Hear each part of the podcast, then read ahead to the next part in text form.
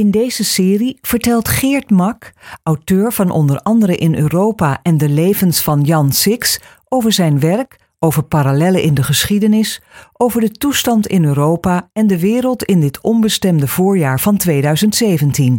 Uitgegeven door Atlas Contact. De serie telt acht afleveringen. Dit is nummer drie. Leven we in historische tijden? Dat is moeilijk te zeggen als je er middenin zit. Wat ik weet uit dagboeken, brieven, andere dingen. Als je met de geschiedenis bezig bent, stuit je daar natuurlijk op. Mensen die in historische tijden leven, beleven dat vaak als een, vooral als een chaos. Eh, hebben dat vaak ook nog niet zo in de gaten. Kun je dat voor nu zeggen? Ja, misschien toch wel. Ik denk dat 2017 wel eens een heel cruciaal jaar kan worden. En dat 2017 ook wel eens in de geschiedenisboekjes kan verschijnen. Ik weet nog heel goed, in 1989 wisten we heel goed, dit is een historisch jaar. Dat wisten we ook bij 9-11. Dat weet je op het moment dat het gebeurt, dit wordt bepalend. Het kan zijn dat we op hetzelfde manier gaan terugkijken op 2017. Maar kenmerkend, ik herhaal mezelf, is ook wel de verwarring. Vergelijkingen met de jaren 30. Sommige mensen roepen: oh, ho, dat is ongepast, dat kan niet. Nee, dat is totaal verantwoord. Dat mag je zeker doen, zonder gelijk met etiketten te plakken. Maar die parallellen zijn er gewoon. En het is zelfs je taak als historicus om daarop te wijzen. Dat is zelfs je plicht. Eén kenmerk. Ik kom daar zo meteen nog op. De verschillen zijn ook gigantisch hoor. Maar één kenmerk is toch wel uh, dat in de jaren dertig ook, net als nu, niemand precies door had wat er aan de hand was. En wat fenomenen als Mussolini en Adolf Hitler en Stalin, wat die inhielden. Dat waren totaal nieuwe verschijnselen. Dat waren stuk voor stuk eigenlijk uitingen van een nieuwe eeuw, die, waarvan men de consequenties nog nauwelijks kon bevatten. Op dit moment worden inderdaad die parallellen meer getrokken. Ik vraag me soms af of het terecht is. Soms is er alle aanleiding toe. Bijvoorbeeld wat Steve Bannon bijvoorbeeld allemaal roept, de voornaamste adviseur van Donald Trump, dat is soms rechtstreeks gebaseerd, en hij is er trouwens ook heel open in, op een aantal fascistische auteurs uit de jaren 30. De neonazies zijn ook niet voor niks dol op Bannon en op Trump. Inclusief het latente antisemitisme, wat zo nu en dan opstijgt uit de burelen van het Witte Huis. Trump is ook heel goed in het hanteren van de oude Dolkstoke-legende. Het vermeende verraad van de elites die voor alles verantwoordelijk zijn. En hij hanteert dat met grote vaardigheid. Die Dolkstoot-legende werd bijvoorbeeld in Duitsland ook de hele tijd gebruikt. door het verraad van de elites zou Duitsland in 1918 de oorlog verloren hebben. En iedereen in Duitsland, of tenminste veel mensen in Duitsland, geloofde dat grief.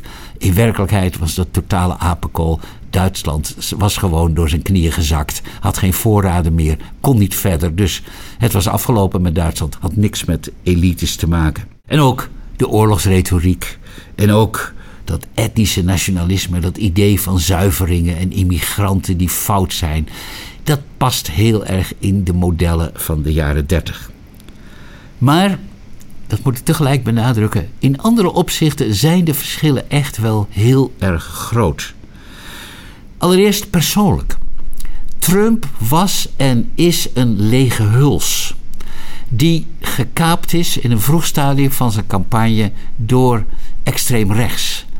Maar ik ben ervan overtuigd dat Trump eigenlijk campagne is gaan voeren ooit om zijn merk en zijn naam vooral sterker te maken. En ik denk zelf dat hij zelf stom verbaasd is dat hij uiteindelijk president is geworden. Alleen, die president moet wel een inhoud hebben. En ja, die inhoud is gekaapt door alt-right, het extreme rechts van Amerika. Maar of hij echt politieke ideeën zelf heeft, je merkt aan alles dat hij vaak geen besef heeft van wat hij zegt. En dat hij ook de ene week het ene standpunt heeft en de andere standpunt het andere. Er wordt op dit moment voortdurend om de ziel van Trump gevochten en dat zal voorlopig nog wel doorgaan. Wat je ook van de leiders van de jaren 30 kunt zeggen, dat hadden ze niet. Ze wisten verrekt goed wat ze wilden. Ze zaten stampvol met ideeën, foute ideeën misschien, verwerpelijke ideeën. Maar ze hadden duidelijk een visie. Daarbij was het, dat gold ook eigenlijk, ja, kun je zeggen, de omgeving. De omgeving van Trump op dit moment kenmerkt zich door volstrekte incompetentie. Het zijn allemaal tweede, derde rangs figuren. Er loopt dus een enkele bekwame uh, figuur doorheen, met name een oude generaal. De rest kan het gewoon niet. Dat zie je aan alle maatregelen ook die hij uitvaardigt. Ook dat is een groot verschil met de fascisten en de nazi's. Wat je ook van de nazi's kunt vinden uh, en van hun omgeving. Mensen als Geuring, Speer, ook rondom Mussolini. Dat waren zeer competente mensen, helaas moet ik zeggen. Bij Trump zie je kwaadaardigheid, en dat is ook een troost, kwaadaardigheid vermengd met incompetentie. En daardoor zou hij wel eens niet zo ver kunnen komen. Bij de nazi's was dat helaas niet zo. Er is nog iets anders en dat is fundamenteler. Namelijk de nationaalsocialisten, de communisten, de Bolsjewieken en ook in mindere mate de fascisten. Dat waren bewegingen die de moderniteit omhelzen. Dat kun je heel duidelijk zien aan de architectuur. Die wilden iets met die nieuwe eeuw. Die probeerden daarin vorm te geven. Die probeerden ook een zekere orde daarin aan te brengen. Hun orde. De beweging van Trump, en dat geldt trouwens ook voor de ultrarechtse beweging in Europa op dit moment, zijn juist het omgekeerde. Dat zijn nostalgische bewegingen. Die willen terug naar de 20e en zelfs naar de 19e eeuw. Het is het tegendeel van moderniteit wat ze willen. En ze willen ook geen orde, ze willen bovenal chaos, waar dan misschien weer eh, een soort revolutie en een nieuwe orde uit zou kunnen voortkomen. Ook daarin verschillen ze sterk van alles wat de jaren 30 domineerde. Kortom, je kunt Trump toch niet zo goed met iets vergelijken, maar zeer voor een deel. Het is aan de ene kant oud en nieuw. Het is een totalitaire beweging met de neiging om alleen de band tussen leider en volk te omhelzen. Daarin is het jaren 30, maar in heel veel andere zaken nee. Is het echt iets totaal nieuws? En kijken wij er ook echt tegenaan, zoals onze grootouders en overgrootouders in de jaren 30. Wat is hier in hemelsnaam aan de hand? Misschien is die vraag wel de belangrijkste parallel. Als we het toch over Trump hebben, dan is het natuurlijk wel een troost. Een man als Trump is wat dat betreft geen Mussolini en geen Hitler en geen Stalin en ook geen Poetin en geen Erdogan. Hij handelt niet in een traditie van keizers, van tsaren of sultans. Integendeel, hij opereert in de context van het systeem van de Amerikaanse founding fathers, die bijna 2,5 eeuw geleden juist hun uiterste best gedaan hebben met allerlei checks en balances, zoals het heet, met allerlei systemen, om juist dit soort figuren de pas af te snijden. De vraag is alleen of dat systeem nog werkt. Want het Amerikaanse systeem is enorm gepolariseerd de afgelopen decennia. En ook echt ook enorm gecorrumpeerd. Dus het is de vraag of in de praktijk genoeg republikeinen de rug zullen rechten om te zeggen genoeg is genoeg. Dat ze er zin in hebben, dat geloof ik wel, want Trump loopt totaal uit de hand. Maar of ze durven, is de vraag. Parallel met Watergate wordt vaak getrokken. Je ziet dat ook wel een beetje aankomen.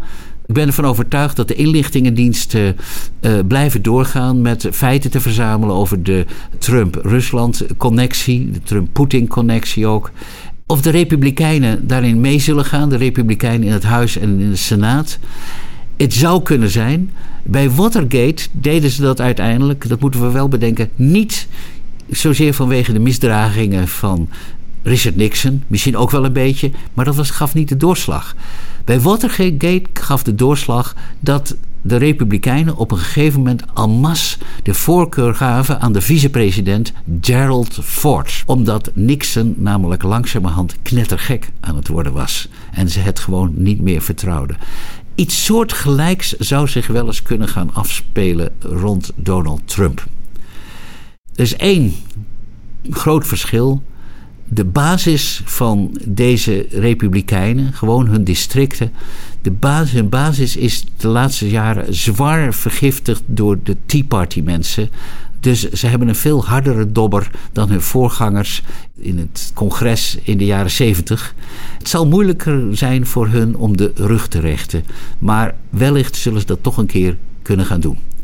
Een heel andere optie is iets anders. Dat is niet impeachment, maar dat is het beroemde artikel 25 van de Constitutie. Dat een president incompetente kan verklaren, incapabel tot het presidentschap. En misschien kan het daar ook wel eens op uitlopen. Want je ziet bij Trump iets heel raars ontstaan. Er is een enorme turbulentie rond die man aan de gang. De man heeft een enorm ego dat voortdurend ook gekwetst wordt. Dat wordt steeds sterker. Uh, wij raken als toeschouwers al helemaal in die draaikolk van nieuws en onzin en flauwekul en feiten en weet ik wat meer. Wij raken er al helemaal in verstrikt. Hij moet dat zelf nog duizendmaal zo sterk hebben. Het zou wel eens kunnen zijn dat Donald Trump gewoon ten onder gaat aan Donald Trump. En dat hij eerlijk gezegd een beetje knettergek wordt van zichzelf. En dat hij heel simpelweg in een dwangbuis uit het Witte Huis gevoerd moet worden. Ik wil er wel een weddenschap op sluiten. U hebt geluisterd naar Geert Mak. In de volgende aflevering Wantrouwen schept wantrouwen. Over de cijferij, de managementcultuur en hoe we onszelf zijn kwijtgeraakt, inclusief onze trots en onze waardigheid.